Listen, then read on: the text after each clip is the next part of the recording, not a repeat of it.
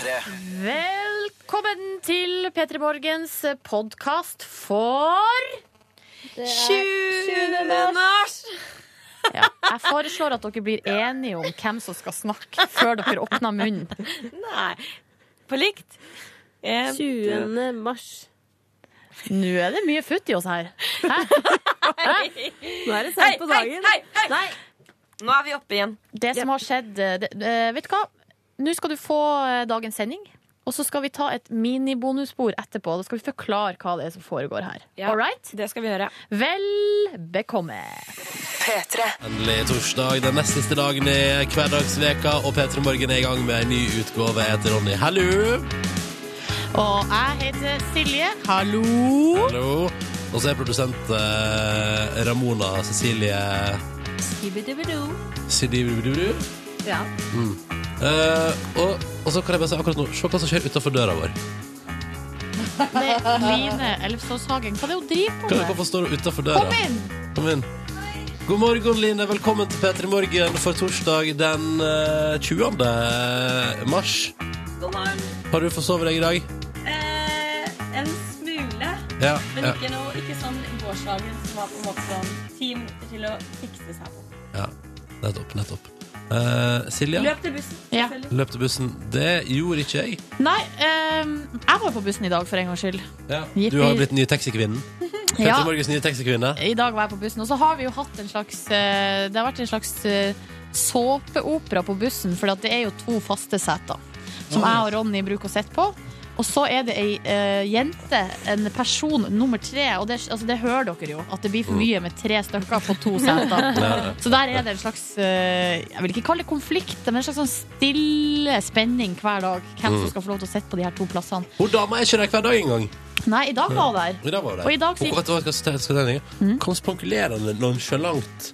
Liksom, bussen måtte stoppe på rødt, sånn at hun kunne liksom traske over. For jeg ble litt irritert. for Kom sånn nonchalant gående akkurat idet bussen kommer. Jeg har Ja. er lenge og venta. Men så, for jeg har jo da satt meg på mitt faste sete, og så eh, kommer da Ronny og den her jenta på, på, eh, på den plassen der Ronny går på. Mhm. Så idet jeg liksom snur meg for å liksom skal si hei til Ronny, da, Ronny, da så det ut som at du var midt i en spurt. Det var Usain Nei. Bolt. Nei, Liksom. det var, det var Jo, du gassa litt på der for å få komme inn og få det siste setet. Nei, Jo, det nei. gjorde du. Nei. Sitter du bakerst? Nei. Altså bak meg, da. Ja, bak deg, liksom. Ja. Ja. Fordi jeg liker å sitte bakerst og lage kvalm. Ja, ja. Også i voksen alder, og aleine. Og aleine. Til Cecilie er det bare Men er du seriøs når du, sa, når du sier at du ikke skyndte deg litt ekstra for å få lov å få den plassen? Nei, fordi nei, men vi, vi var begge to Fordi at det som skjedde var at jeg sto der og hadde stått der lenge. Ikke sant? Så kom hun gående nonchalant, bussen kom opp, og så kom hun, kom hun liksom sånn at hun liksom bare trykker på knappen for å åpne døra. Og så trykker jeg på knappen for å åpne døra, men så lar hun meg gå inn først. Det gikk egentlig ganske greit. Gentlewoman. Ja, gentlewoman der, altså. Ja. Sånn, Burde jeg vært gentleman? Jeg bare nei, jeg gidder ikke. Nei, det er 2014. ja, jeg, vil bare, jeg, vil bare, jeg vil sitte med deg, Silje. Ja. Men hva gjør du hvis jeg kommer inn en dag og ikke får sitte med deg? Kommer du og setter deg med meg da? Det må vi ta når situasjonen oppstår. Å, det, er så mye, det er så mye i den lille bussturen der. Det er så mye uavklart, så mye å ta tak i. Velkommen til P3 Morgen. Her skal vi prøve å gjøre ting avklart og fint og hyggelig. Får besøk av Jo Nesbø i dag. Det er jo stas. Holy schmackaroni. Ja, ja, ja, ja, ja. Eh, og så har du planer, Line. Yes, jeg skal, eh, og jeg kan tise tease med å si skiskyting. Oh. Hello! hello. Cecilie, har du lyst til å si et eller annet, du også, bare for å si noe? Jeg har ingen planer. Jeg skal passe på dere. Så bra. Cecilie er sjefen. Så bestemmer. Det er du som er sjefen, Cecilie. I'm the boss. Velkommen til P3 Morgen, som er i gang i radioen din. P3. Vi har spilt Calvin Harris vi da, sammen med Ellie Golding. Og Helle Golding. Dette var Need Your Love i P3 Morgen. Har du mat i munnen, Silje? Eh, nei, Nei? Det går Nei? bra. Ja. Eh, men uh, jeg ta med en melding fra Blikkenslageren her, som sier takk for god musikk. Du, Kan vi si bare hyggelig? Eh, ja, det, det skulle være Det var da så lite. Mm. Uh, og mer blir det. Coldplay ligger klar snart, vet du, med god, god gammel en. Talk. Og så skal vi spille Store P. da. Vil ikke være din verden om ikke så altfor lenge. Så vi, altså, vi er alene opp, vi, da. Mm. Uh, hele morgenen gjennom et ganske OK soundtrack for deg som hører på. Du, skulle vi tatt en liten runde på hva vi skal drive med i P3 Morgen i dag? Fordi to store stjerner uh, dukker opp i radioprogrammet vårt i løpet av dagen i dag. Det stemmer eh, på en prikk. altså, vi får jo. Tenkte du noe sånn To? Hva, Ja, det stemmer. hva, hva er det Eh, Men du vet, du, Nei, men du, jeg kom på det. Jeg ja, du kom på, på hva Line skal i dag? Ja, for Ja. At, uh, vi kan si at gjesten vi får på besøk i dag, er uh, Jo Nesbø. Um, han trenger vel ikke sånn megaintroduksjon, men han Trenger ikke er, bruke lang tid på å fortelle hvem han er, men han er norsk forfatter ja, og han har og solgt musiker. i bøtter og spann, eh, og, Og fotballspiller. og aksjemegler, Ja, han er alt det. Eh, Men nå er det fort- forfatterskapet som er som er i eh, fokus. Han eh, kom ut med en ny bok i går. Allerede blir det spekulert om eh, adopsjon til film av denne boka. Mm. Altså, det, det er noe Leonardo DiCaprio involvert. Altså, ja, det er veldig Vi mye. skal spørre ham om alt det der. Så, eh, som om ikke det er nok, så skal vår reporter Line Hun har vært og eh, snakka med Tiril Eckhoff oppe i eh, eh, Holmenkollen. Det stemmer. Skiskytterstjerna fra OL i Sotsji. Yes. Oh yeah. Så det blir en prat med hun også i dag. Hun var jo bare sånn ung og fremadstormende og naila dette OL-greiene. Det- Hun skal vi prate med òg. Og veldig søt og sjarmerende. Ja, ikke kunne vi jo se i intervjuer. Ja. Ja. Jeg har prata om det før i P3 Morgen. Det intervjuet hennes på Senkveld var bra greier. Eh, og så i tillegg til det, så spiller vi på med ja, god musikk da. Uh, og så har vi en konkurranse om en liten stund. Og så er det jo alltid hyggelig å høre fra deg som er sammen med oss på morgenen. Hvordan ser det ut der ute? Hvordan eh, har du det? Eh, hvordan er utsiktene for dagen, sånn både fysisk og mentalt? Byggmester Andreas han har svara på det spørsmålet allerede, faktisk. Kodord P3, nummer 1987. Han skriver 'God morgen, godt folk'. Jeg begynte å kjøre til jobb klokka 5.30. Regna med å være framme ca. 10. Rekk da å jobbe litt over én time før jeg må kjøre hjem igjen. Og Eh, alt jeg lurer på er hvorfor? Why? Ja. Vet du hva det her minner meg om? Eh, det minner meg om den nyhetssaken fra i går om den serrano-skinka fra Spania som måtte kjøre uh, tur-retur Norge to ganger pga. noen tollregler. Ja, altså, du, du hører det høres helt ko-ko ut. Ja. Det, gjøres, det gjør det her òg, Andreas. Altså, Det ja. høres helt, ko-ko ut. koko ut? Skal kjøre i fire og en halv time for å jobbe én time. Hva er vitsen? Hvorfor det? Hva, hva, hvorfor? Ja. Er, det, er, det, er det fordi ja, Nei, jeg, jeg, jeg gidder ikke begynne å resonnere engang. Men jeg håper du har det litt koselig i bilen. Ja. Skal vi spille filmmusikk for deg og sånn? Og bare kose oss maks, så blir det bra, det, Andreas. Jeg skal jo på hyttetur i helga. Ja. Eh, venninne skal jeg kjøre med. Hun fikk melding fra i går. Jeg skal brenne en CD. Åh! Er ikke det noe deilig retro over det? Men er ikke det da du som NRK P3 tilsatt er nødt til å svare hvorfor det? Vi har jo radio. Ja, vet du, Men det er veldig retro. ja, det stemmer. Det det er veldig, det synes jeg er litt koselig. Det Altså, Litt, eh, litt sånn som at eh, Da jeg skulle hjem til påske i fjor, så uh, skulle jeg og uh, kjæresten min kjøre til Førde låne bil. ja. Og da var det sånn Ja, nei, radioen funker ikke, så vi har kun CD-spiller. Og så var det sånn Ja, nei, men da får vi grave fram i et eller annet CD-bunken, da. Veldig rar følelse å gå i CD-bunken og finne fram musikk til roadtrip, men også fryktelig koselig. ja, ikke sant? La nå det være sagt. Men du der ute, det er jo hyggelig om du ikke setter på CD-spilleren helt ennå. Eh, Bli med oss fram til ni. Det blir megakoselig. Ja, og du når oss på P3 til 1987 på SMS, og så kan du hashtagge bildene dine med P3morgen på Instagram, da ser vi deg, for vi tar oss en runde gjennom den hashtaggen både titt og ofte. Og så er vi jo på Facebook om P3morgen. P3. Vi ser på avisforsidene. Og kan jeg bare si, Silje Nordnes, Ja. det er litt spennende med Jens Stoltenberg nå, da. Ja, da, ja. Og, og så vil jeg bare si sånn uh, at nå uh, Skal vi se, hva slags avis var det da som melder om uh...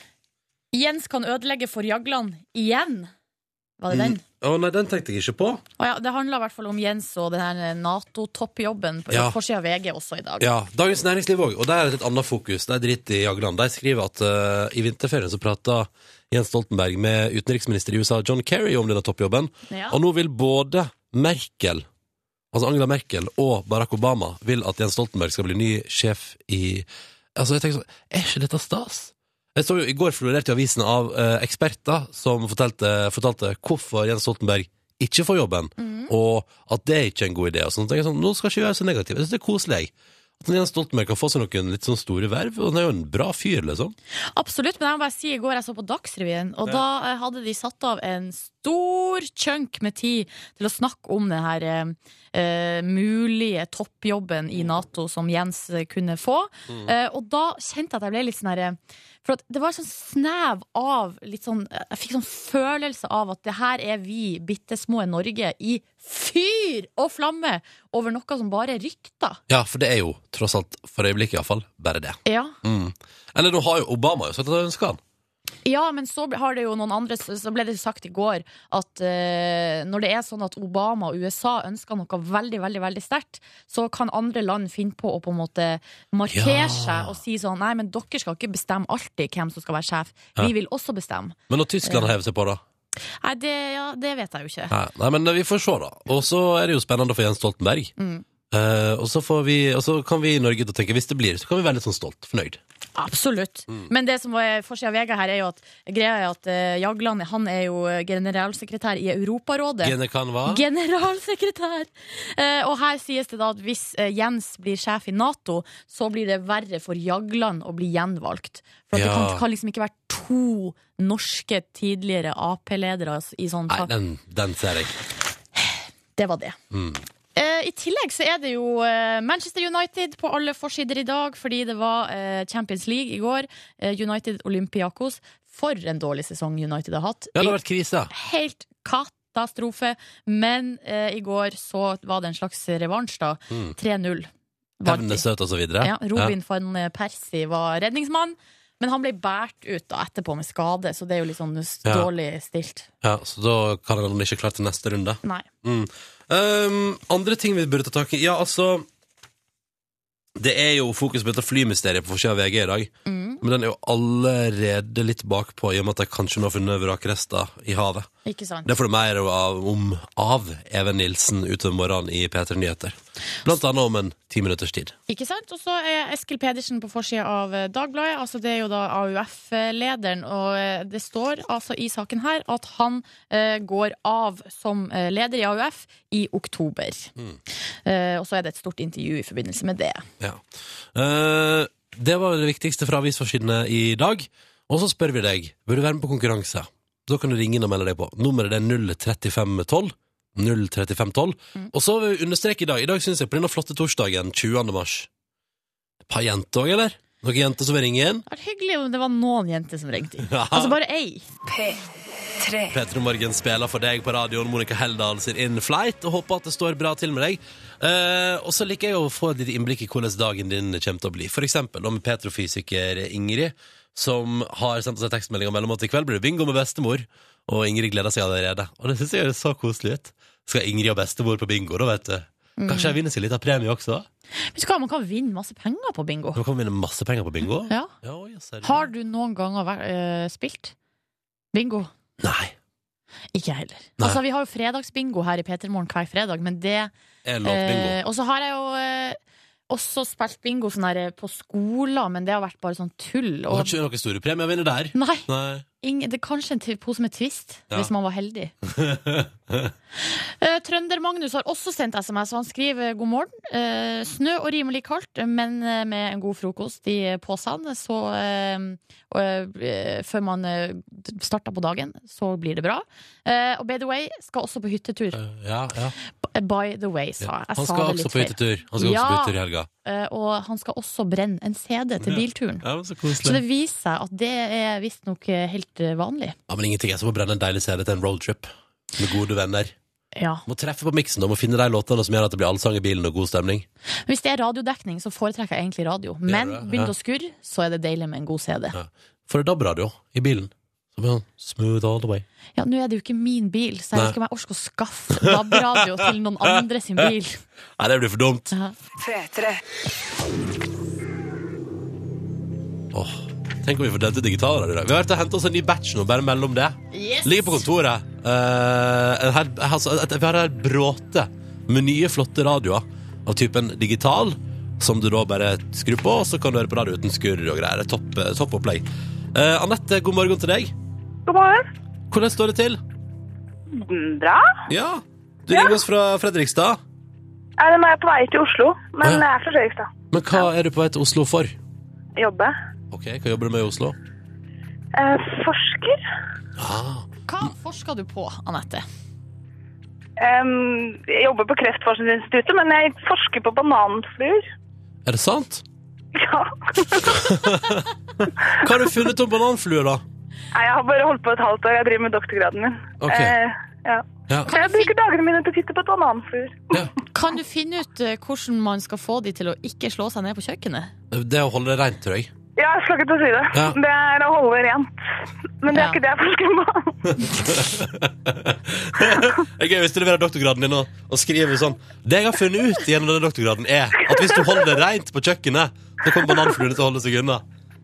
Men nesten alle spør meg om eh, hvordan de kvitter seg med dem på kjøkkenet når jeg forteller at jeg jobber med bananfluer. Ja. Det er ikke noe første. Men er ikke, det bare, er ikke det bare å fjerne søppel? Jeg fjerner søppel og fjerner gammel mat og vaske, tror jeg. Ja. Jo, men hvis man har frukt, de har en tendens til å slå seg ned i den frukten. Altså. Man har ikke lyst til å kaste og frukt som fungerer. Ja, de, de, de liker frukt. Jeg lager eplegelé til fluene mine innimellom. Åh. Så koselig! når det er litt sånn festlig stemning, da får jeg eplegelé. Å, nei, det var koselig, Ja, ja. det synes jeg også. Eh, Anette, velkommen til konkurransen vår. Du skal få følge av Tonje på 21 fra Bærum. God morgen, Tonje. Hei. Hei. Hvordan står det til med deg, da? Det går bra. Jeg driver akkurat og knyter sko. Du knyter sko akkurat nå, ja. Eh, og da antar jeg at du skal ta deg på deg fordi du skal ut i verden, og hva skal du da? Jeg skal på jobb. Hva jobber du med, da? Driver du med forskning? Nei, jeg er skoleassistent på ungdomsskole. Ah, ok. Jobber på ungdomsskole som skoleassistent. Hvordan er livet på, som assistent på ungdomsskole for tida? Det er bra, det. Får friska opp pensum fra ungdomsskolen selv og Ja. Ikke Nei, det er sant? bra. Ja, det tror jeg på. Um, men så koselig. Da har vi altså med oss Anette som forsker på bananflue. Tonje som er skoleassistent på ungdomsskole, og som samtidig får friska opp litt av kunnskapen derifra. Det er fint. Da har vi etablert dere. Kanskje, Tonje, du får bruk for den kunnskapen i konkurransen i dag. Hvem veit? Hvem veit? Vi får se. Konkurransetid i P3 Morgen. Det er litt dominobrikkeaktig, dette her. Hvis én svarer feil, så er konkurransen over. Vi holder den kun gående så lenge spørsmåla vi stiller, blir besvart riktig. I enden en flott digital radio og ei T-skjorte fra oss i P3 Morgen. Med oss på telefonen i dag har vi Anette på 25 fra Fredrikstad på vei til Oslo. Hun jobber med å forske på bananflue. Hei, Anette. Hei. Hei, Hyggelig å ha deg med. Vi har også med oss Tonje da, på 21 fra Bærum, som akkurat har knytt skoene sine. Er du, er du ferdig å knytte sko nå, Tonje? Ja, nå er jeg på vei til bussen. Ikke sant? Springer på vei til bussen. Har du dårlig tid? Eh, nei, god tid. Ok, bra, bra. Tonje jobber som eh, skoleassistent på en ungdomsskole og skal altså nå busse av gårde. Men på vei mot bussen og på vei mot Oslo skal disse to få lov til å svare på ett spørsmål hver, forhåpentligvis. Vi begynner med deg, Anette. Ja. ja.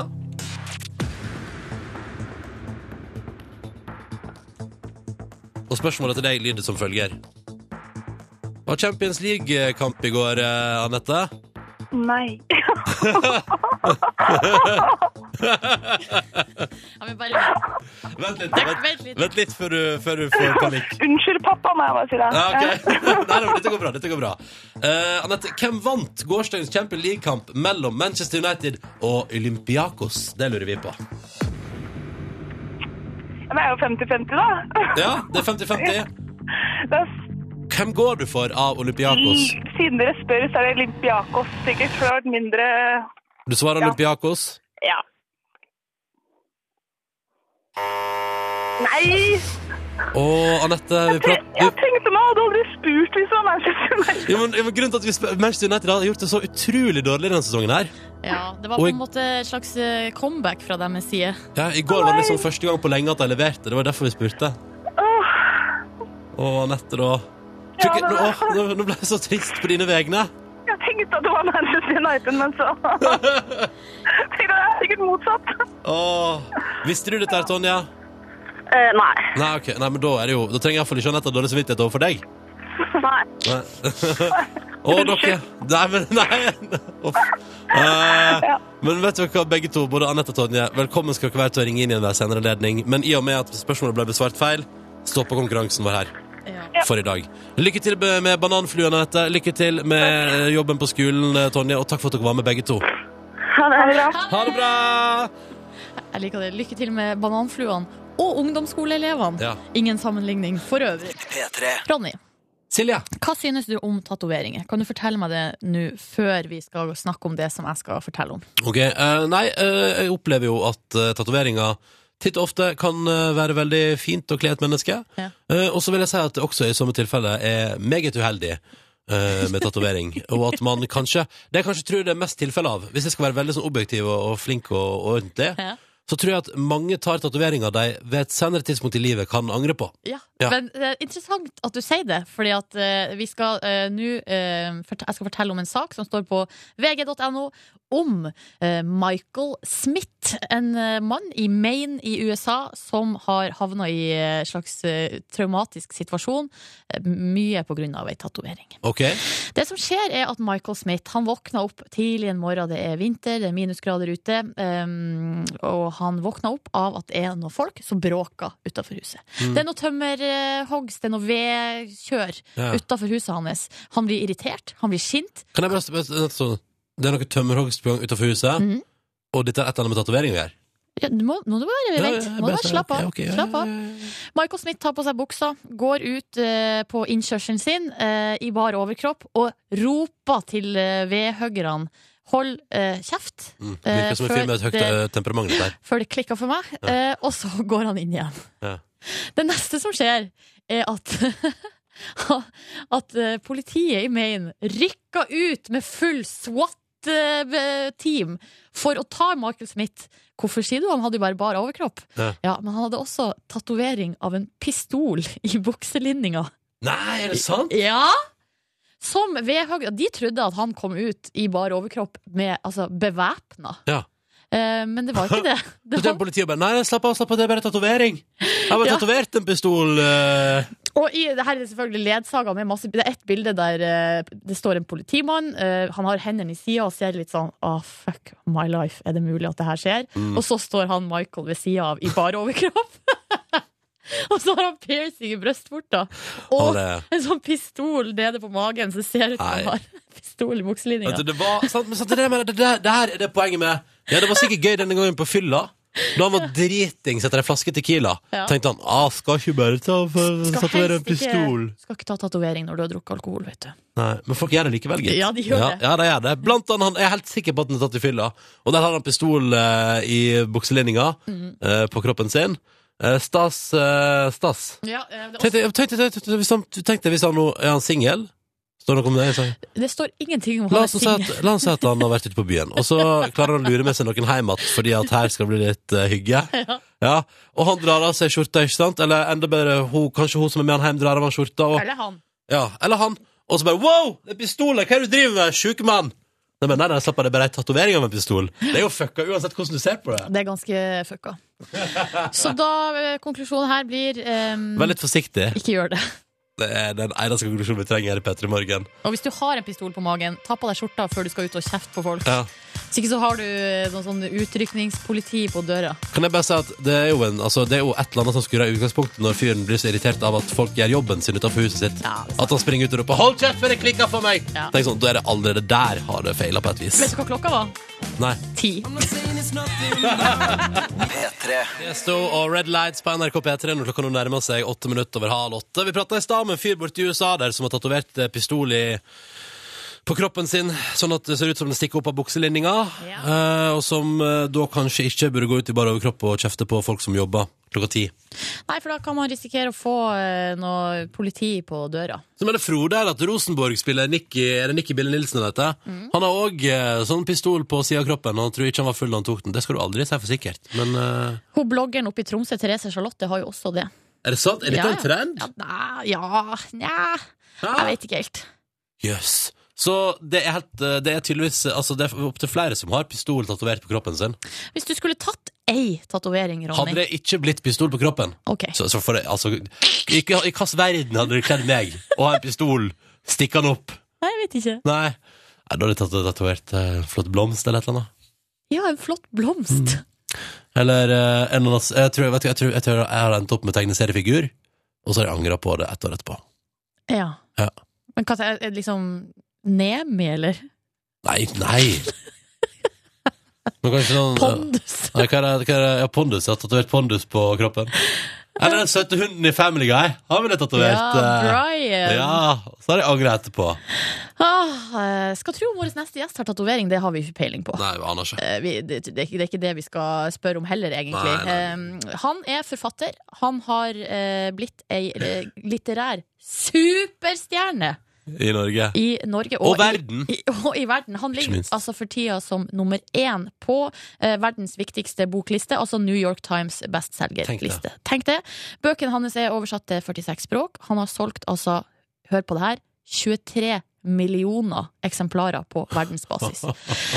Det er selvfølgelig Jo Nesbø som eh, straks kommer til oss. Mm. Uh, vi gleder oss til å få besøk av han. P3 Morgen har fått besøk. Jo Nesbø, velkommen til oss. Eh, tusen takk. Hvordan er Vi, vi går rett dit, siden det tross alt er et morgenprogram. Hvordan er du som morgenmenneske? Eh, jeg er eh, relativt eh, Jeg tar meg god tid i senga. Det er Ja. en av de mange fordelene med å være forfatter, er at du faktisk kan eh, tilbringe første timen du våkner med å være i senga. eh, og jeg er Det er faktisk mange av de beste ideene kommer sånn fra jeg våkner og til jeg står oh, ja. opp. Ja, du er liksom i en sånn tilstand mellom våken og, og fortsatt i drømme, hvor du er, eh, du er helt ukritisk til dine egne ideer. Og, eh, så da eh, Ja, jeg er en av de få da som har, kan påstå at jeg er på jobb når jeg ligger i senga mellom Det er nesten litt sånn Eller veldig mange innenfor din bransje sier jo ofte motsatt. Eller at de jobber At det er liksom på natta eller på kvelden at på en måte det kreative slår inn. Mm. Ja, jeg prøvde det en stund, eller eh, det var naturlig for meg å gjøre det en stund til å begynne med på de par første bøkene, så gjorde jeg det. Men eh, Og også Altså, det er flere sånne myter om at du, altså, du skriver godt eller skriver bra låter når du kommer hjem og er full og sånne ting. Og, det, og jeg har prøvd det, og det er bare sprøyt. Det er, du syns det er bra når du gjør det, men når du står opp neste morgen og sjekker hva du har gjort, så er det, det er veldig, veldig dårlig. Oh, ja. Men du har prøvd å skrive ei og anna har du prøvd å starte med ei bok i fylla, liksom? Tenk sånn, nå, nå skal jeg naile det! Jeg, jeg vet ikke om jeg starta på en hel bok. liksom eh, Påtatt meg et sånn eh, romanprosjekt i fylla. Det har jeg ikke, det har jeg ikke gjort. Men på morgenen der, når, du, når den store eller ideen liksom kommer, sk- skriver du det ned, eller hvordan forholder du deg liksom til det? Ligger, Ja, ehm, jeg skriver ehm, synopsis. eh, Det er, jeg er veldig tilhenger av synopsis, altså skrive korte sammendrag av det jeg skal, eh, skal fortelle. Ehm, men og, av og til så starter det Men hvis det starter sånn med en enkelt idé som er en enkeltscene eller noe sånt som du ikke veit hva har med historien å gjøre, du bare veit at det skal inn i en historie fordi det er en fet scene, eh, da skriver jeg det ikke ned. Da går jeg kanskje og, og, og ruger på det og finner ut om det er en fortelling der. Eh, og veldig ofte er det ikke det. Nei. Det bare hadde vært kult. Ja, ikke sant? ja, jeg skjønner. Men, men uh, ute med ny bok nå, Sønnen, uh, kom, kom i går. Uh, gratulerer med gode anmeldelser. ja. Tusen takk. Eh, da er du altså i gang igjen. Og det, det er, Jo Nesbø, for at de siste åra så har det altså Det har vært så mye som har skjedd rundt deg og bøkene dine. Hvordan føles det fra liksom Ja, fra in the middle of the storm, the eye of the storm, på et vis? Jo, men det er kanskje litt sånn det er, da. At du Jeg sitter og, og leser avisen og følger med på alt det som skjer rundt han Jo Nesbø. Ja. det, er, det, det er faktisk litt sånn, altså. At det er eh, I hvert fall hvis du tenker på sånn filmting og eh, Ja, det er ganske mye sånne rykter, eller så Ja. det sies liksom. Nå kom det jo en artikkel i Aftenposten der det ble lista opp litt sånn de konkrete tingene. Og det er jo store navn. Ja. Martin Scorsese, Leonardo DiCaprio, HBO. Det er liksom heftig. Ja, og det, og det er en sånn artikkel jeg leser med stor interesse. Det er, for det er ikke sånn altså, det er ikke sånn at de driver og ringer meg og, og sier at nå skjer det, og nå skjer det. Og det er vel delvis sånn at jeg også har sagt at jeg, kan ikke jeg bare skrive bøker, og så kan dere holde på med de greiene. Og så er det Altså, Det er sånn med film at det er veldig mye ståk og rykter og ting som nesten skjer, og så skjer det ikke likevel. Så jeg har sagt at eh, kan dere ringe når, eh, når dere har begynt å skyte? Da, for da veit jeg, da vet jeg. Dr. Proktors prompepulver veit jeg det kommer til å bli film, for den har det vært premiere på. Ja, ja, ja, ja. Bort- Bortsett fra det syns jeg alt er temmelig usikkert. Ja. Men da var det sånn på, på Dr. Proktor var det sånn dere, Ring meg når dere skal invitere meg på premierefesten, OK? Bare, bare gjør det. Bare, sånn, bare eh, ikke involver i det hele tatt. Det er fint, det. Uh, jo Nesbø, vi skal prate mer med deg straks i P3 Morgen. P3 Morgen har besøk av Jo Nesbø, som akkurat som nå tar sin en slurk eh, kaffe, eh, og som i går kom ut med ny bok. Eh, denne gangen uten Harry Hole, da. Ja. Og så helt frittstående. Eh, og det handler om en eh, fyr som eh, tjener penger til sitt narkoforbruk med å sone for andre i fengsel. Hvor kommer sånne ideer fra, Jo Nesbø? Har du vurdert det som økonomisk eh, vei i livet sjøl? Trenger vel ikke det, strengt tatt. Nei, det Nei, nei, det har jeg ikke vurdert. Um, det er um, Nei, altså hvor de ideene kommer fra, det, det veit jeg ikke. Det er i senga på morgenen der. Ja, Ja. det er mellom åtte og ni en gang Mm. jeg, ligger og, og, og jobber hardt og svetter i senga. Betyr det at vi egentlig akkurat nå kanskje snyter deg for eh, starten på en ny bok, for eksempel? Ved at du er her istedenfor i senga di? Akkurat nå så er jeg inne i et par bøker. Eh, andre bøker, så akkurat nå så trenger jeg ikke noen nye ideer. Okay. Så nå er det vel kanskje like greit å Altså, jeg, jeg, jeg har for mange prosjekter på gang akkurat nå, så jeg har tatt meg litt sånn vann over hodet. følelsen. Så akkurat nå så er det vel best å bare stå opp en gang jeg våkner, så det ikke kommer noen sånne nye Du du påtrengende romanideer ramlende. Den nye etterfor altså etterforskeren i den nye boka, han heter Simon Kefas. Mm. Jeg lurer på hvordan øh, jobber du med navnene på rollefigurene dine? Akkurat Sønnen er, um, er en bok som er um, henter veldig mye fra Nytestamentet. Og um, det er en historie som er fortalt eh, som handler da om denne narkomane gutten som, som det står i trosbekjennelsen, er kommet tilbake for å straffe, dømme levende og døde. Så det er, en, det er en slags sånn hevnbok. Og denne Kristusaktige figuren, han blir da skildra gjennom alle de andre som ser ham. Han er aldri, vi er aldri inne i hodet til, eh, til sønnen selv. Og det er akkurat som i Nytestamentet. Det er, eh, det er eh, ikke Jesus som skildrer seg selv, men det er disiplene hans. Og Simon Kefas er jo da også henta fra Bibelen, som er en av de mest viktige disiplene til, til Jesus. Og, og forfatteren av Nytestamentet er da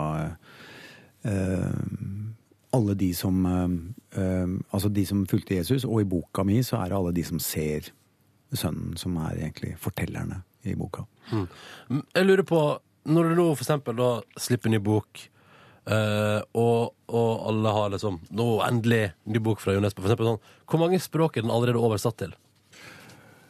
Det, vei, veit jeg ikke. Altså, Men det er rikelig, liksom? Den kommer jo først på norsk. eh, Det, det holder vi som en sånn regel at det er ikke oh, ja, først på norsk, alltid. Alltid, alltid. Ja, nei, du, vet du hva. Nå kom den faktisk i hvert fall ut i Danmark på samme dag, tror jeg, som, Mm. i, eh, som i Norge.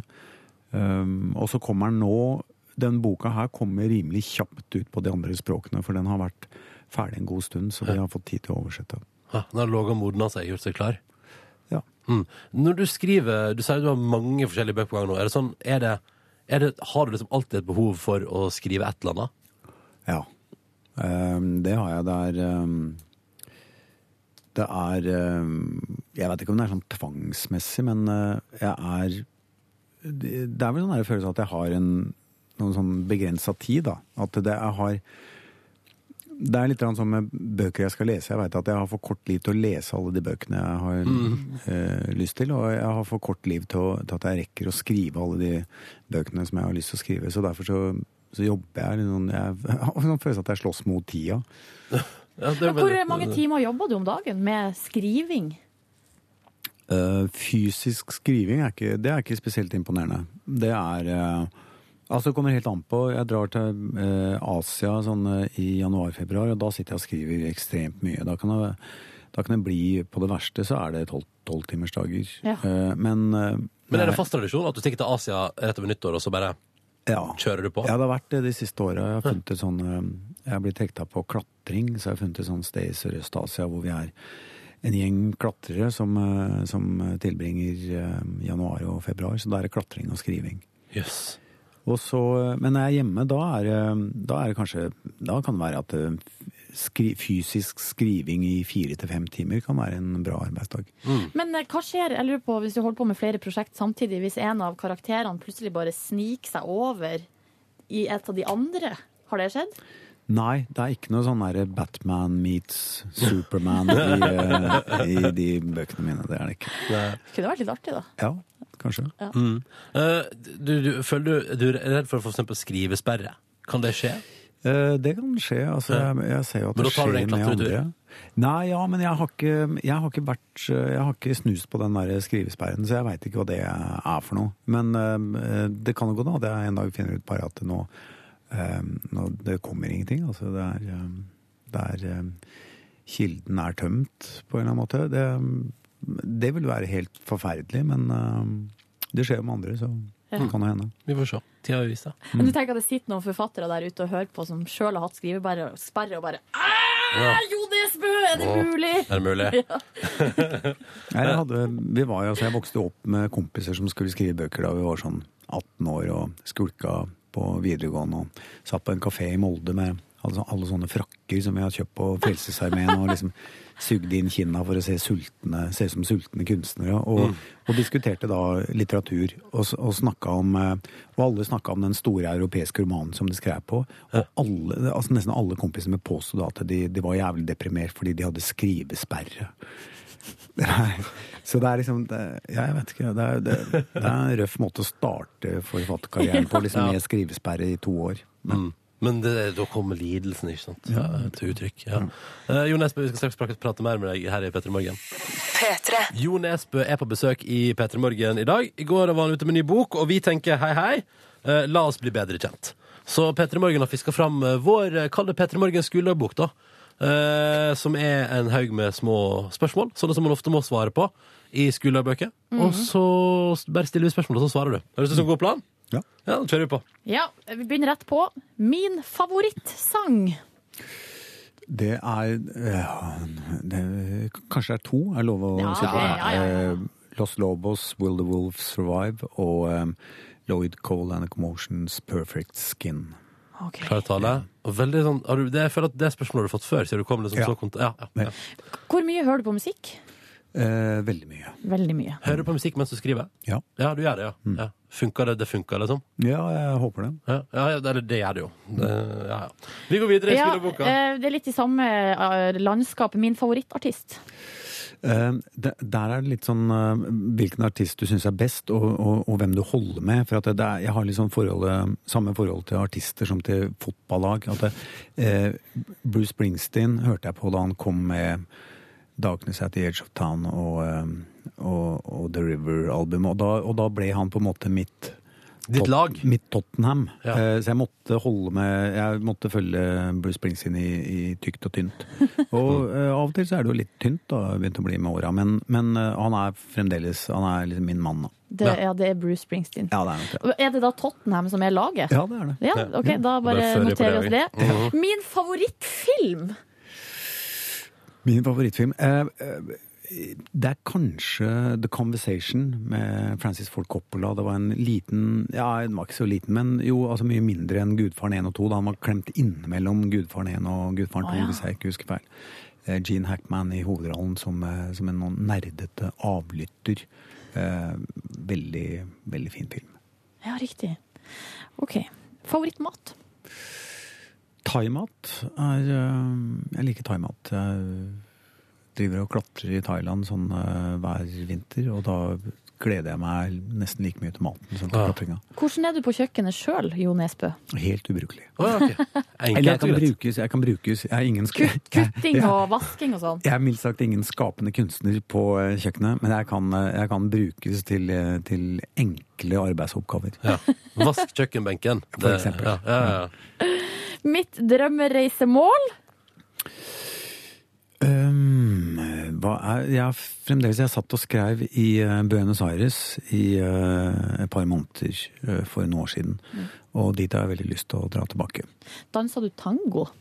Jeg så på tango og skrev artikler om tango. Eh, jeg fikk såpass respekt for kunsten tango at jeg, at jeg ikke prøvde meg sjøl. Men, men altså, fun fact om tango er at eh, Eh, du har jo den liksom sånn aggressive måten å danse på som Nari altså, De ser jo når du danser sånn her, liksom hard tango hvor de hiver hverandre hit og dit og ser på hverandre, eller helst ikke ser på hverandre, men er veldig sånn sinte ansiktsuttrykk ikke sant, i tango. Det fikk jeg forklaringen på da, fordi tangoen oppsto i Buenos Aires da det kom innvandrere mye fra Spania og, og Italia. Eh, mest menn. Det var stort underskudd på kvinner, så det var lange køer på bordellene i Buenos Aires. Og ventetida den kutta de ned med at altså, det var kåte, uh, utålmodige menn som dansa med hverandre. Det var Yes. slik tangoen eh, oppstod. Er? Kanskje det er derfor de ikke ser på hverandre, for man vil liksom sant? ikke bli påminnet at det Nei, er en mann. Ikke sant? Yes. Det det var en interessant fun fact. Uh, skal vi se Uh, Irriterende uvane. Har du noe sånt? Ja, jeg har den irriterende uvanen at hvis jeg ikke, hvis jeg ikke er fornøyd med måten jeg har svart på et spørsmål, som egentlig er eh, den jeg snakker med, har for lengst forstått hva jeg mener, men jeg er ikke helt fornøyd med måten jeg har formulert det jeg har lyst til å uttrykke på, så vil jeg bruke vedkommendes tid til å prøve å formulere bedre det vedkommende allerede har skjønt. Ja, ja. Ja. Jeg skjønner. Eh, Du har jo, altså, Yrkesmessig, Jo Nesbø, så har du jo dekt over ganske mye. Det er jo liksom hva- det, Fotball, det har du gjort. Eh, Eiendoms... Nei, aksjemegler. eh, Forfatter. Artist. Men hvis du skulle valgt på nytt, ville, hva ville du blitt? Er det noen flere yrker du tenker det? Um, jeg har av og til tenkt at jeg kunne tenke meg å, å bli filmregissør. Ah. Eh, men, Da har du men- virkelig dekka, da har du virkelig dekka kulturen, på en måte. Ja, Ja. ehm, men jeg har, altså, jeg har jo også regissert en eh, kortfilm eh, sammen med eh, god kompis av meg, skuespilleren Henrik Mestad. Eh, den var bare på ni minutter, og det var forferdelig mye jobb. Ekstremt mye jobb, og så er du avhengig av ytre omstendigheter som du ikke kontrollerer. Så jeg har, jeg har ehm, ombestemt meg, jeg har ikke lyst til å bli filmregissør. Nettopp. Ok, da, stry, da stryker vi det, da. Ja, ja. Ja, da, da tar vi blankt på den. Skal vi se. Det, når jeg skal drikke meg full, drikker jeg Jeg, eh, hvit, altså ikke brunt brennevin jeg er på, det har jeg slutta med, jeg med for noen år siden etter en stygg turnéavslutning i Bodø. Hva, hva, er det lov å spørre hva som skjedde? Nei, det er det ikke lov å spørre Nei, okay, okay. Men det gikk utover Bodø by. Du måtte opp til Bodø, ja. For å... ja. OK, men da, kvitt brennevin, da. Eh, OK, siste spørsmål. Hvis jeg skulle ligge med en kjendis, skulle det vært? Oi, oi, oi. Uh, det, det visste jeg ikke. Er det, er det Fant du på det nå, eller Ja, er det det del står av skoledagboka? Det står helt nederst i vår skolebok. jeg var litt usikker på om jeg skulle ta det med. Nå syns jeg det var så god stemning at jeg bare tok det med. uh, det må jeg ha, det må jeg ha tenke, tenkepause på. Er det lov å si to? Ja. Nei, jeg kødder. Eh, Du må gjerne si tre, fire, fem òg. Ja. Men du kan ta deg en tenkepause på det, Jo Nesbø. Og skal du straks også få lov til å delta i vår spørsmålsstafett her i P3 Morgen. Jo Nesbø er vår gjest i P3 Morgen i dag, ute med boka 'Sønnen', som kom i går, til gode anmeldelser, og som forhåpentligvis, iallfall for din del, da, eh, allerede er i gang med å leses både i Norge og Danmark, og sannsynligvis innen vi rekker påskeferien blir lest av folk over hele verden. Hvordan, det lurer jeg litt på, da. Jo, altså, om, du har, om du har tenkt noe over det faktum at liksom Folk sitter i hele verden og leser bøkene dine. Ting du har eh, funnet på i senga mellom åtte og ni på morgenen, når du er mest kreativ, blir liksom lest av millioner. Hvordan, er, det, er det mulig i det hele tatt å gjøre seg noen tanker om det? Ja, det tror jeg er mulig.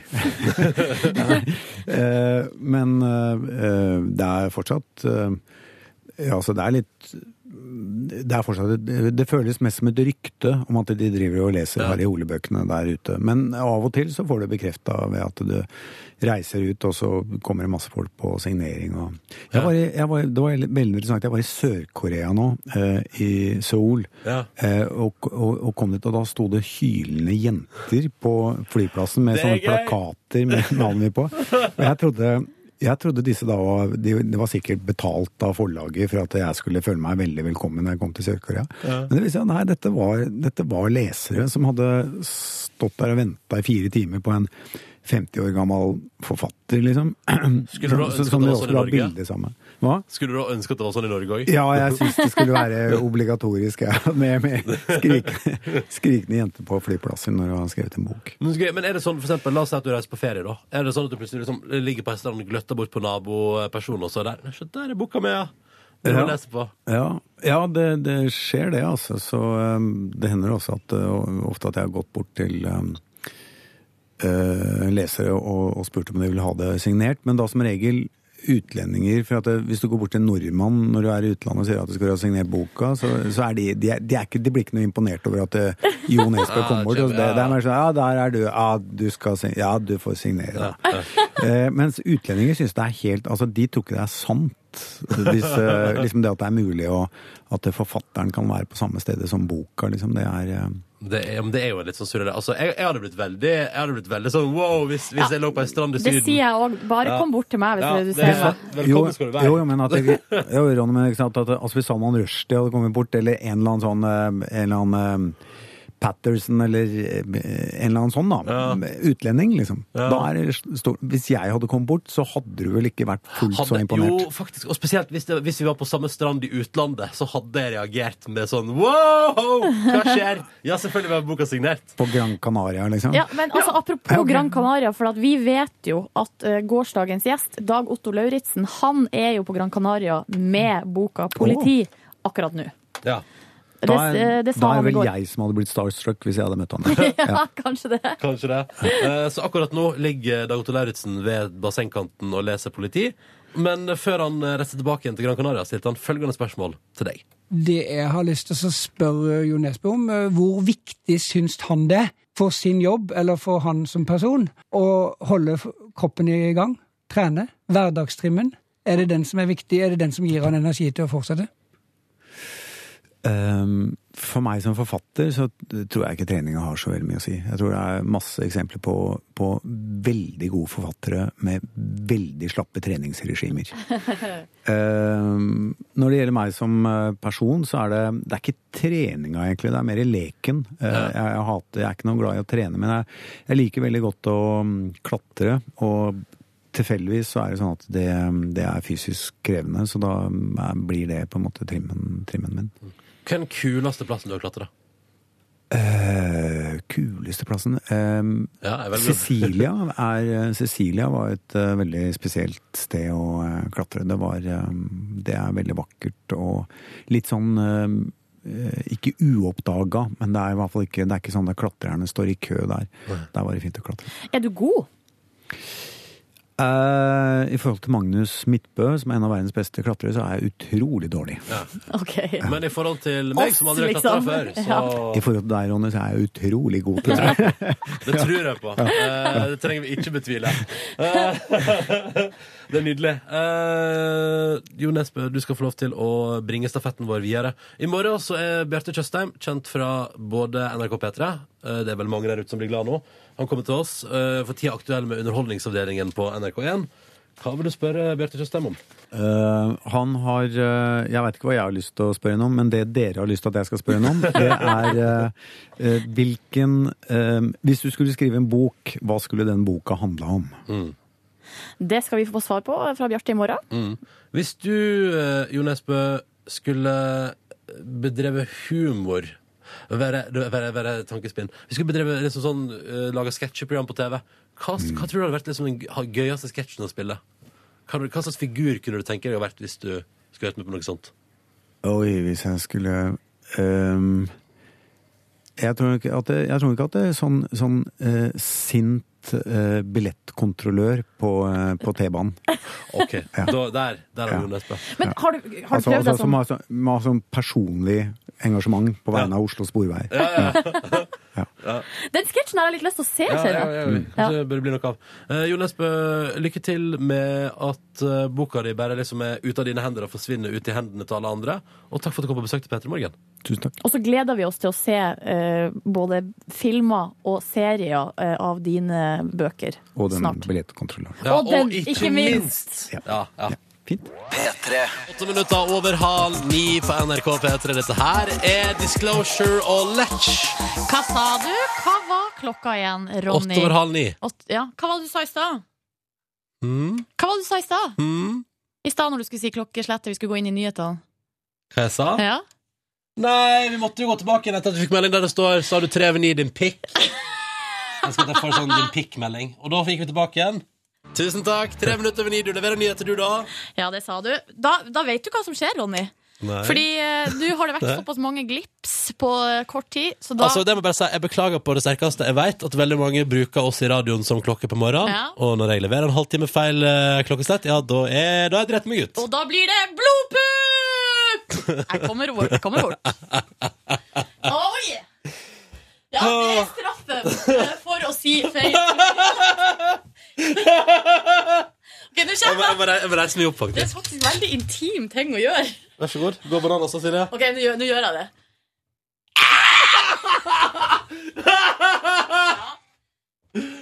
Ah, svir! Kommer du til å gjøre det der igjen? Nei. Ikke, kommer du til å si Ah, feil det klokkeslett igjen? Nei, aldri feil klokkeslett igjen. Nei. Ah. Ja, det er derfor det heter blodpupp. For Ja. at det svir. Ja. Eller svipupp, da. Mm. Hva er klokka nå? Det er snart ti minutter over halv ni. Riktig! Woo! Reporter Line kommer straks innom. Eh, hun har vært i Holmenkollen, møtt skiskytter Tiril Eckhoff! Eh, Svir. Svir deg ennå på puppen? Ja, det gjør det faktisk. Ja. det traff godt i dag. Du, i dag tok jeg skikkelig grep. Ja, det gjør du. Vanligvis har jeg ikke turt å gjøre det, for det er et eller annet med å ta tak i brystvorta til en kollega som Ja. føles litt over kanten. Litt over Men nå tok du tak. Nå... Men nå tok du tak i brystvorta mi. Gjorde det. Ja. Godt tak. Mm. Bra du ikke hadde piercing, for da hadde det røket hele greia. Det var flaks. Uh, der, der, der, dodged a bullet there! Mhm. Ti minutter vanlig. P3. Låta her syns jeg var koselig. Remember You Are Still Young. Kakk motherfucker på NRK P3. Pa, pa, pa, pa, pa. We can have a drink in a bar as long as we're together. Så det er fint, det. We can have a walk in the mountains, we can do whatever. Hæ? Hva sa dere jenter? Ja, Line likte den. Silje er skeptisk. Nei, jeg syns bare det var litt sånn rar. Men det her var jo første lytt for min del, så da Ja. tror jeg vi kommer til å bli venner etter hvert. We can have a walk in the Litt- mountains, we can do whatever. Ja, reporter Ja. Line. Nei, bare vent litt nå, vent litt nå. Jeg ser at likestillingsorienterte Eirik skriver på SMS Han gleder seg til du sier feil klokkeslett, Silje, og jeg skal ta blodpupp på deg. Det her har vi vært gjennom før, for det har jo skjedd en gang. Og da ga du meg Da ble vi enige om at det var eh, merrabitt, eller eh, hva heter det? Sånn når du slår på låret. Kjerringstøt. Nei, Nei. hva heter det? Faen, hva heter det når du Ja, det var det som ble eh, for det, blir for rart. Ja, blir altså, greit med like, for det, En herrepupp og en damepupp er ikke det samme. Altså, jeg syns det er helt innafor, jeg. Uenig i det. Må bare si det. At Ronny skal gi meg Ja, blodpupp. ja, ja. Men jeg har jo BH. Skal jeg ta av meg BH-en? Ja, pupp er pupp. Pupp, er pupp. Ja, Jeg, men jeg, jeg, jeg er litt ærlig med Silje, faktisk, Line. Må ikke dere være så hårfine? hårfine, ja. Det er du som er hårfin, eh, Line. Line med det lille håret, god morgen til deg. God du har vært og opplevd. Tiril Eckhoff, skiskyter. Ja. Ja. Eh, jeg stakk rett og slett til Holmenkollen, for der begynner i dag World Cup-finale i skiskyting. Ja, ja, ja. Eh, og i går hadde de en sånn trening. Og da kom jeg og stilte opp, selvfølgelig, for å få et par minutter med Tiril. Og det var altså det første hun sa til meg før hun gikk og tok av seg skia sånn Ja, du ser litt malplassert ut! Så sa jeg he-he, syns det? Så sa hun eh, ja. Men eh, det var innmari koselig. Hun, Tiril hun er veldig ung, hun er 23 år gammel. Mm. Og gjorde det altså dritbra i OL i Sotsji nå. Hun tok eh, Det var hennes første OL. Hun tok to bronse og ett gull. Hvis noen hadde sagt det til deg for fem år siden, hva hadde du tenkt da? Uh, nei, da hadde jeg sikkert sagt jaha, du kødder. nei, det er jo kult. Uh, kult å få oppleve det. Jeg føler meg ikke så ung, da. Men. Hva er målet ditt, da? Uh, nei, det er å fortsette å leve av der og kanskje bli en av verdens eh, beste. Tror du du klarer det? Ja, hvis, du, hvis jeg bare vil, så går alt. Hun er, hun er jo en av verdens beste. Ja, hun Hun tok medalje i OL, liksom. ja, hun er en av verdens beste. Og er ikke det litt deilig? Sånn, hvis, jeg, hvis jeg vil, klarer jeg alt. Og det er sånn Yeah, girl! Come on, girl! Det syns jeg er veldig deilig. Eh, men det som også er med Tiril, det er at hun har jo to storesøsken som Ja. også er skiskytere. Og jeg lurte sånn, er det konkurranse mellom de to? Jeg hadde en drøm om å liksom slå disse eldre, men så slutta de før jeg kunne slå de da, så da måtte jeg bare fortsette. Men, men sånn på papiret, har du slått de? Nei. Eller jo, eller sånn meritter nå, så har jeg jo slått de da. Fornøyd. Veldig fornøyd. Veldig fornøyd. Og så tenker jeg sånn, Hun har jo nesten pika karrieren allerede bare hun er 23 år. Mm. tenkte jeg sånn, ok, om ti år Hva er det du driver med da, Tiril? Jeg var sånn her eh, backpacker, og, og da skal jeg leve det livet, liksom. Skal du det? Har du lagt opp om tid år?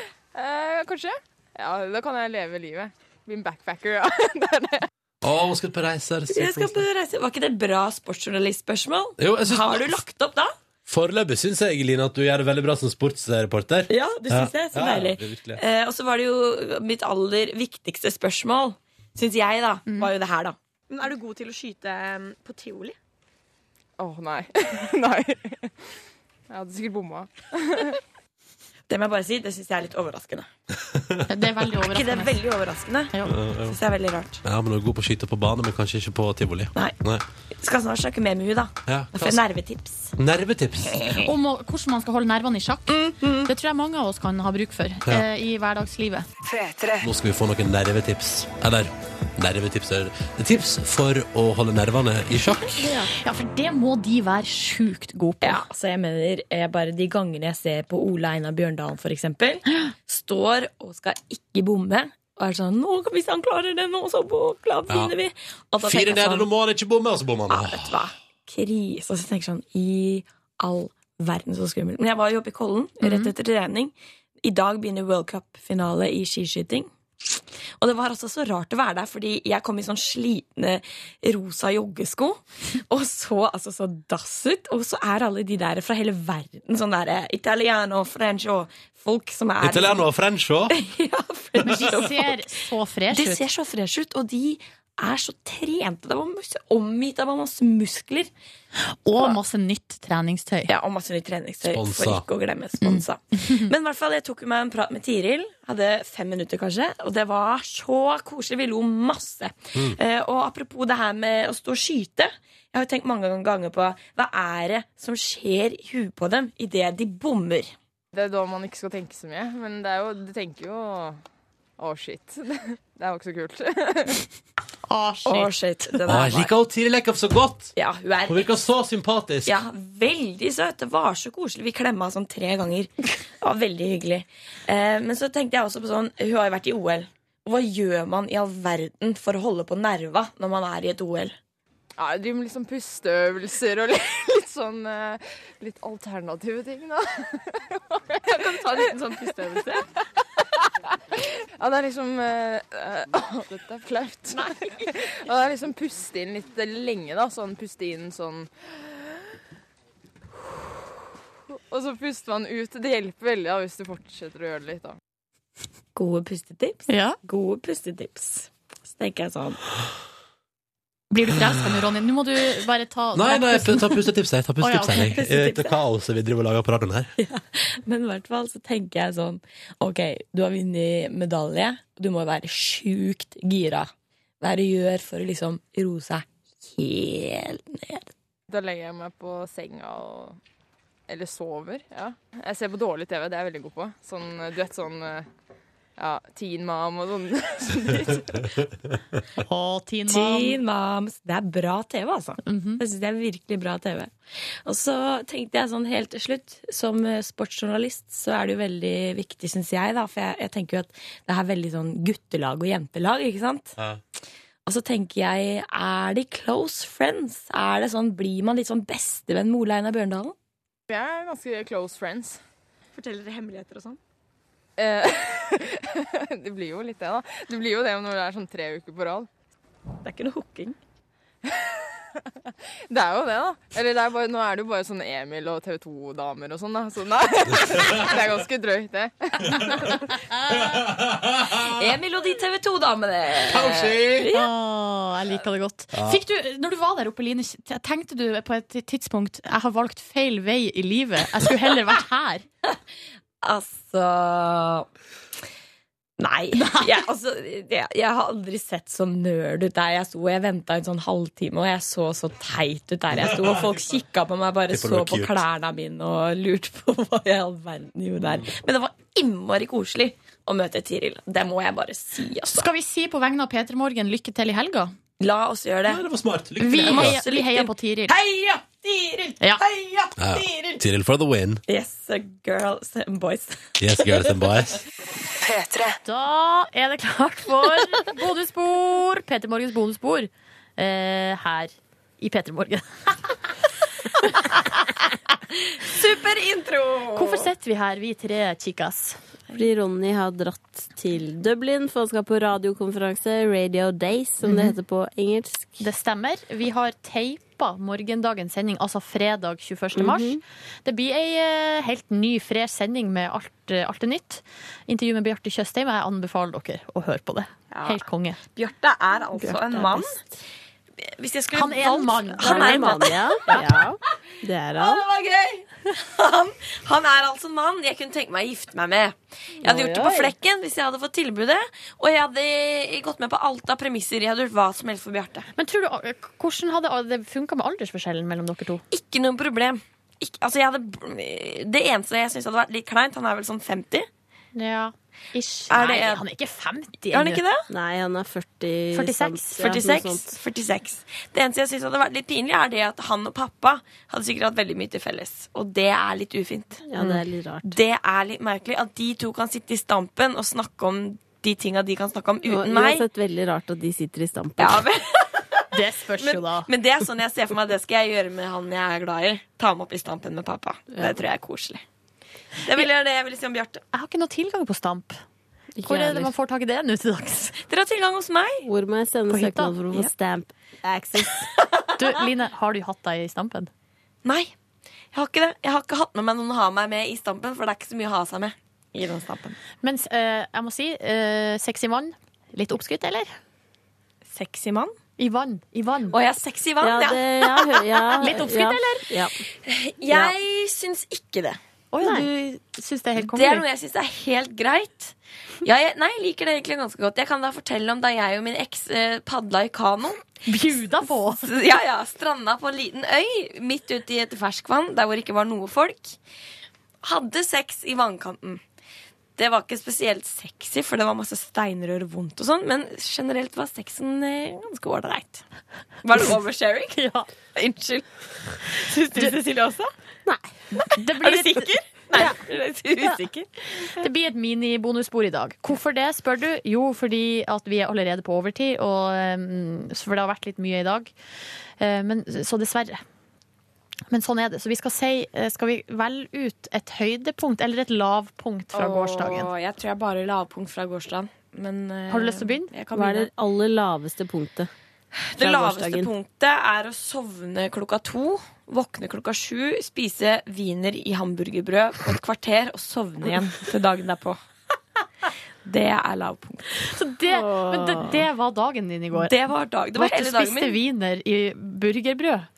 Nitriste greie. Jeg måtte dele pølsa i to for å legge en sånn at det var palas på hamburgeren. Herregud. Det er livet I mitt. Hadde du noe land. mer på pølsa? Pølse og ketsjup, holdt på å si. på ketsjup. Herregud. Det var mitt lavpunkt. Det er jo ganske lavt. Ja, men det er Eh, noen ganger må man ha sånne dager. Ja, det var Cecilie? grøfta, rett og slett. Noe lavt fra deg? Noe lavt er Jeg har blitt sjuk. Gratulerer med dagen. Nå er jeg sjuk. Jeg trodde det var allergi. Uh, på lederdesken sa alle at det var allergi. Det er ikke det. Vent, uh, vent litt. Uh, vent, Nå skal jeg leke meg med den her. Gratulerer! Vent, si en gang til at du har blitt sjuk. Jeg har offisielt blitt sjuk. Gratulerer! My name is Simone, and I got big tits. Jeg liker at du bare ruser av gårde som Ronny. Det elsker jeg. Ja, det jeg Simone en gang til. My name is Simone, and I got big tits.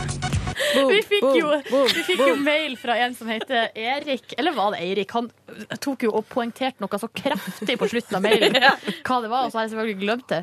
Om det var Erik eller Eirik. Uansett, han spurte om eh, vi kunne sende til han det her lille klippet med Simone, sånn at han kan ha det privat.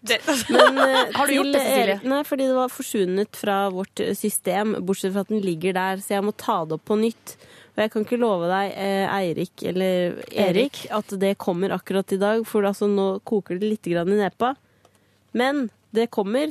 Eh, hvis ikke i mellomtida, så kan du kose deg med hennes introvideo på altså, tv3.no. Og det er der dette klippet er fra. Ligger det på TV3 Play òg? Ja, men det ligger i en nettsak, for det er sånn introduksjons... Eh, presentasjonsvideoer av Ja. deltakerne. Det som jeg må bare gi eh, han som sendte mail honnør for, er at han skrev ordet tits. Altså han stava det T-E. T-T-T-T-T-T-S. Oh, Altså, eh, så hvis vi hører nå på Simone hvordan hun sier det, så skjønner vi hvorfor han har stava det sånn. My name is Simone, and I got big tits. Ok, men Er det noe konkret lavpunkt, eller er det bare generelt lavpunkt nå pga. sykdom? Eh, nei, altså eh, Det var veldig mye soving i går. Soving og spising av rester. Eh, Ja. Og veldig mye godteri. Og snakka i telefonen i to timer, som har blitt en sånn vane for meg. nå. Hvem du snakka med, da? Er det en herre? Er det en herre? Det er en herre! Hvor bor den her herren, og hvorfor snakker dere bare i telefon? Kan dere møtes eventuelt? Er det avstandsforhold involvert? Nei, nei, nei, nei. Vi møtes også, men det har Mm. blitt sånn Det skal egentlig ikke være en så lang talk, og så blir det alltid det. Det er så koselig. Det er et så godt tegn, du veit det. Ja, det er koselig, da. Snakker dere om følelser? Alt. Ok, Jeg har to lavpunkt fra i går. Det står noen Hvem er det som utafor. kikker? Jonas! jentefest! Bli med her, da. Du spør det godt. Bli med. Vi driver og bare oppsummerer veldig kjapt gårsdagen. Men med- det var altså min oppsummering. Ferdig snakka. Lav, jeg hadde to lavpunkt i går. setter du på Jonas? Nei, men jeg, skal, jeg, bare, jeg er bare interessert i å spørre hvor lenge dere skal ha denne bula. Nei, vi skal straks gå. Jeg er straks ferdig. Ti minutter til. Ti det- Men hvem nå må noen skru på flymodus, ellers så går ikke dette det. lenger. Er det? Nei, det er deg. Nei, jeg vet ikke, jeg er ikke flymodus. Nei, du må skru på Nei, flymodus. jeg skal gå ut, jeg. Nå tok jeg flymodus. Ja, det er meg. Cecilie, meg. slå av, da. Ja, men jeg gjør det. Der, ja. Men det Der. bare jeg har fått Så er en du så streng når du sitter bak pulten. Du skulle bare visst. Så streng når du sitter på pulten. Dere, I går hadde jeg to lavpunkt. Ja. Jeg var jo hos min gamle venn på besøk. Som jeg er hos hver 14. dag. I går hadde jeg kjøpt med napoleonskake fra et bakeri i Oi. Oslo. Så sitter vi der, det er veldig veldig koselig, drikker kaffe, alt mulig. Eh, og så tror jeg at jeg kanskje sovna litt. Gjorde du? Det er den gamle personen som skal gjøre det, ikke du. Silje. Eller jeg var i hvert fall altså, så nært som det er mulig. Altså, jeg var så nært å fase ut. Da hadde jeg vært der i én time. Det som er at det er veldig varmt der. Eh, Det er veldig mørkt der. Ja, Nå går bare Jonas. OK, ha det. Ha det. Um, så, så jeg måtte ta grep. Jeg røyste, røyst meg og sa du, jeg må på toalettet. Så gikk jeg på do og bare var der og bare gjorde sånn. Og så eh, den siste timen så måtte jeg, se, altså jeg måtte sette på ytterst på rumpeballene. For For meg. jeg var Nei. så trøtt, liksom. Silje mor, da må du sove mer om nettene. eh, ja. Jeg må det. Ja. Så det var det ene. Det er utrolig dårlig opplegg. Um, det andre var da jeg våkna opp på sofaen kvart over eh, åtte etter å ha sovet i altfor lenge. Og det bare var sånn derre red sånn varselslampe. Sånn beep, beep, beep. Dagen din begynner nå. Du er altfor seint ute. Det her går ikke. Kom deg opp, di kjerring. Det var det. Men altså, når du sier sove altfor lenge, min definisjon av sove altfor lenge, det er å sovne klokka to, være våken i et kvarter, sovne til dagen etterpå. Jo, men alt er relativt, Line. Ja, For det her var i forhold til min dag. Og jeg hadde masse greier jeg skulle gjøre. Vil du si noe? Ja, for vi snakka om oppe i redaksjonslokalet i stad at er alt relativt. Har dere hatt den filosofiske Altså, altså, den, den diskusjonen har vi ikke tid til nå, Jonas. Da setter jeg meg ned igjen. Jo, men alt kan jo ses i hvert fall i forhold til noe annet. Men vi kommer jo Ja, fram det er til én ting som ikke er relativt. Hva da? At du blir født Og og dør. dør. Ja, det gjør vi alle. Det er, det, hvis, da skal du være ganske hard i nøtta uh, hvis, du, Ikke dør. Kommer unna. hvis du kommer unna med den. Man kan få evig liv da i himmelen. Ja takk. Eller i Ja, takk. Altså, muslimene, er det himmelen? Eller har det et annet navn? Du vet der man skal møte alle jomfruene og alt det der. Er det syv jomfruer, eller er det bare Har dere ikke noen muslimske lyttere som kan uh... Jo, send inn mail da på Send det, mail? hvis du har svar Send på det. Altså, hva er navnet på dit du kommer etter døden? Det er det som er spørsmålet. Ja. Jeg tror kanskje det er himmelen der også. Ja. Hva er skjærsilden igjen? Skjærsilden er vel der du havna Betale bot? Er ikke det sånn mellomtilstand? Jo, tror jeg. Det er da når du skal gjøre opp før, regnskap. før helvete. Ubrukelige folk. Hva fikk dere i RLE? Faen, jeg hadde jo seks. Det her er jo veldig dårlig opplegg. Nå kikker Sigrid inn her. Det er så mye. Nei, dere. Jeg tror vi sier at det var det. Jeg tror jeg også hadde fem. Så sier vi takk for nå. Ha Takk det. for nå. Elsker deg. Love you. Love gays. Ha det. Ha det. Også på mann. Det er jævlig irriterende å si ha det så mange ganger, eller? Ha det. Hør flere podkaster på nrk.no podkast.